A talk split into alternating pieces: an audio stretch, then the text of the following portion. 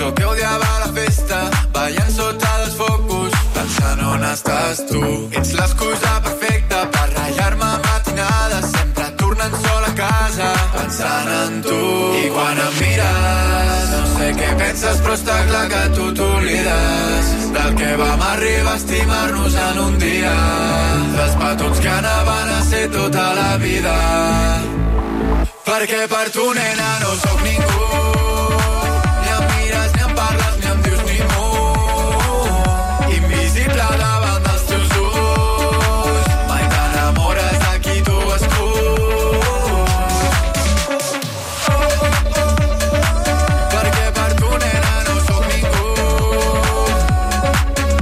el pop-up al programa Tendències a les xarxes socials de Catalunya Ràdio.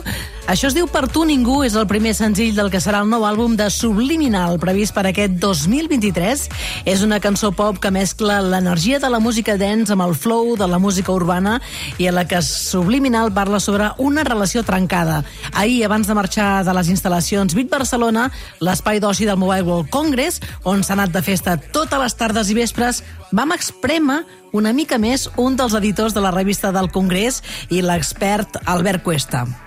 Vamos arriba, encima, rosa, Bé, Albert Cuesta, ahir ens parlaves de, de connexions, de la connectivitat, però suposo que d'aquest Mobile World Congress també voldries destacar algunes de les moltes coses.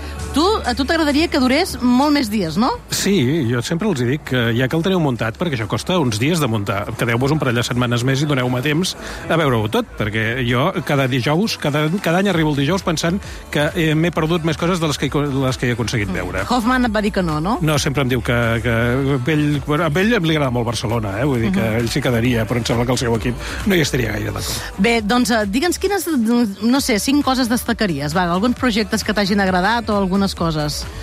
A veure, jo he vist uh, un... Aquesta indústria té un problema que és connectar a la gent que no té connexió i també un altre, un altre problema que és que la gent que té connexió, és a dir, cobertura, eh, la faci servir. Eh, el primer es resol, sobretot, o es resoldrà sobretot amb connexions via satèl·lit. Vull dir que tots aquests satèl·lits del Musk, l'Starlink i no sé què i tot allò... Sí, sí, aquest Es- Starlink que ja hem experimentat a, bé, a Catalunya Ràdio, no? Sí, efectivament. Sí, sí. Doncs això, eh, eh, això fins ara es, necessites un telèfon específic. Els iPhones 14 poden enviar eh, missatges d'emergència. Eh, hi ha marques com Motorola i, i Caterpillar que han tret telèfons també que es connecten amb altres xarxes de satèl·lit.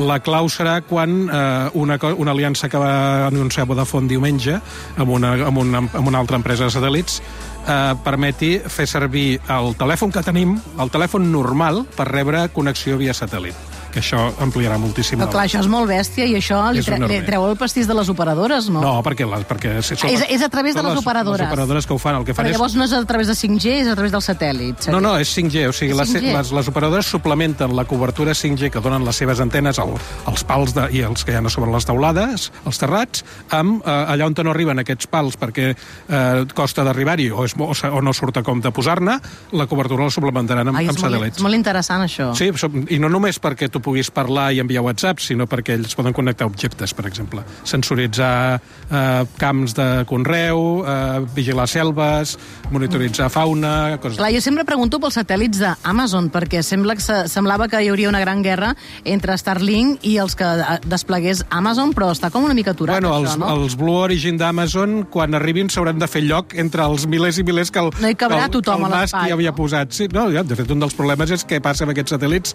i hi ha una de la... De la o sigui, la, el regulador nord-americà de comunicacions està intentant forçar-los a que no només el donar-los permís per... eh, per sí, només els hi donen permís per llançar-los si es comprometen també a com fer-los baixar sense provocar cap, cap desastre, que és el que passa quan s'espatllen, quan es moren els satèl·lits xinesos, per exemple, que els deixen caure Clar. allà on, allà on toca. I això que expliques és, és, és important perquè llavors que canviarà una manera de, de, de fabricar els mòbils, els mòbils hauran de poder tenir aquesta possible connexió amb satèl·lit o no és tan així? Bueno, precisament el que passarà és que no caldrà que els mòbils siguin diferents. Ah, El que, el que també és cert és que els xips de connexió via satèl·lit, que ara són una raresa, i aquí només hi deu haver-hi dos o tres models de mòbil que són capaços de connectar-se amb una xarxa específica de satèl·lit, també seran cada cop més habituals. O sigui, tant Qualcomm com Samsung, que són fabricants de xips, i Mediatek ja estan eh, incorporant la funció de connectivitat satèl·lit amb els seus telèfons. uh -huh, molt interessant. A nivell català han passat coses?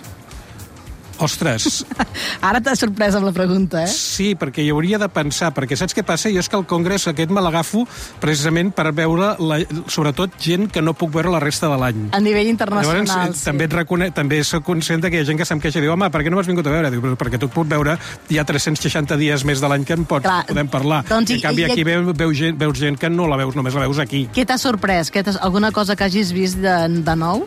Bueno, mira, mira uh, una de les coses que, de, que, de les que, com dèiem ahir, lo difícil que els resulta a les operadores uh, rendibilitzar les seves inversions en xarxa, uh, la una de les rendibilitats serà uh, vendre xarxes privades, 5G per a empreses. Vol dir que potser en una zona no hi ha cobertura 5G gener- àmplia, però si les màquines o els vehicles d'aquella empresa necessiten els avantatges que els hi pugui donar una connexió 5G, li munten una, una xarxa 5G només per aquell polígon industrial, diguéssim. Uh -huh. I uh, uh, hi ha un senyor, els de Vodafone, per exemple, tenen un, una xarxa 5G que té la mida i el cost de, és un prototip, eh? però tindrà la mida i un cost d'un router wifi. Doncs per quatre xavos, diguéssim, et podràs Clar. muntar una xarxa wifi al teu despatx, una xarxa 5G al teu despatx. Per tot el que estàs dient, Albert Cuesta, crec que tu no, no, has, no t'ha meravellat a l'Hyperloop, no? O sigui, No l'he no l'he anat a veure. És que és una maqueta... O sigui, hi, hi ha gent que ha obert diaris eh, parlant de l'Hyperloop, d'aquest tren que, que levita i que arriba, farà el Madrid-Barcelona, però si és una maqueta xunguíssima... Mira, eh, jo no sé, però una mica el Congrés eh, a vegades té, una, té uns té, té qualitat de circ, un circ tecnològic, eh, un circ, circ per friquis, I, però... I els gossos de robots... Bueno, ja, allò em sembla un zoo. L'any passat jo vaig fer una peça al diari que parlava de la coneixement del medi, que perquè hi havia coses de fauna i coses de flora. Hi havia, hi havia tants gossos que allò semblava una, una gossera, diguéssim. No? Aquests gossos robots fan una mica de por. Perdona, eh, ara que lligant les dues coses, m'has parlat de, de, de coses catalanes. Hi ha una empresa catalana, que em sap greu, però no recordo com es diuen, Key no sé què, que tenen un gos robot propi, o sigui que no fan servir el de Boston Dynamics que fa servir tothom, que uh, no, el ven, no te'l venen, te'l lloguen, però el lloguen, te, el lloguen per empreses, per inspecció de mines, inspecció d'ambients doncs, doncs, químics perillosos i tal. Llavors et lloguen les funcions del... És un, és un gos d'aquests que està carregat de sensors, però et, et cobren en, en funció de la quantitat de sensors que fas servir. O sigui, si tu no vols monitoritzar el soroll, de no te'l lloguer, cobren. I de, lloguer. I d'altra banda, deies això, a- empreses catalanes que n'hi ha moltes i que en anem parlant, Moltes. i tu també en el Catalunya Nit la col·laboració que fas, o sigui, cada, cada dia fas una notícia nova. Home, per tant, mira, una altra cosa. Eh, Ara te n'has recordat. Sí, no, va, catalanes. van sortint coses. Per exemple, una, un fascinant. Uh, es veu que la, uh, al, món hi ha com 200.000 morts a l'any perquè no s'han pres la pastilla quan els hi toca. Ah, aquest hem parlat, això, sí, sí, això Eurecat, Eurecat. tenen una cosa de plastrònica que és un pastillero. Per recordar-ho. Un, un blister que està connectat i que Sí. sa, i sap quan has obert la pastilla del Això està que molt bé, perquè és útil, hem parlat molt de salut. Escolta, Albert, n'anirem parlant al llarg dels dies, però la veritat és que jo crec que després a les setmanes et van sortint coses i hem d'anar dosificant tota aquesta informació, tota aquesta feinada que hem fet aquesta setmana. Jo vaig fent fotos de tot, jo no prenc ni notes, faig fotos de tot i després ho vaig, ho vaig rescatant. Sí, sí, mòbils, eh, no sé, mòbils reparables, per exemple. Sí. La sostenibilitat que deies tu abans. Sí. Eh, Portem anys que les marques diuen no, el meu mòbil porta material reciclat. Ha de durar més de dos anys un mòbil, perdona. Ara el, el, el període promig de renovació de mòbil són 40 mesos. 40 I el, però és que el mòbil més sostenible és el que no et canvies mai, sinó que el pots reparar perquè continua funcionant. I això, eh, Faithphone, els holandesos, ja ho feien, i Nokia ha tret un mòbil de 189 euros amb aquest congrés, que també li pots canviar la bateria Sí, i la pantalla si vols, i et donen les eines per reparar-la. Doncs mira, Nokia molt bé per Nokia, que mira, torna a ser innovador.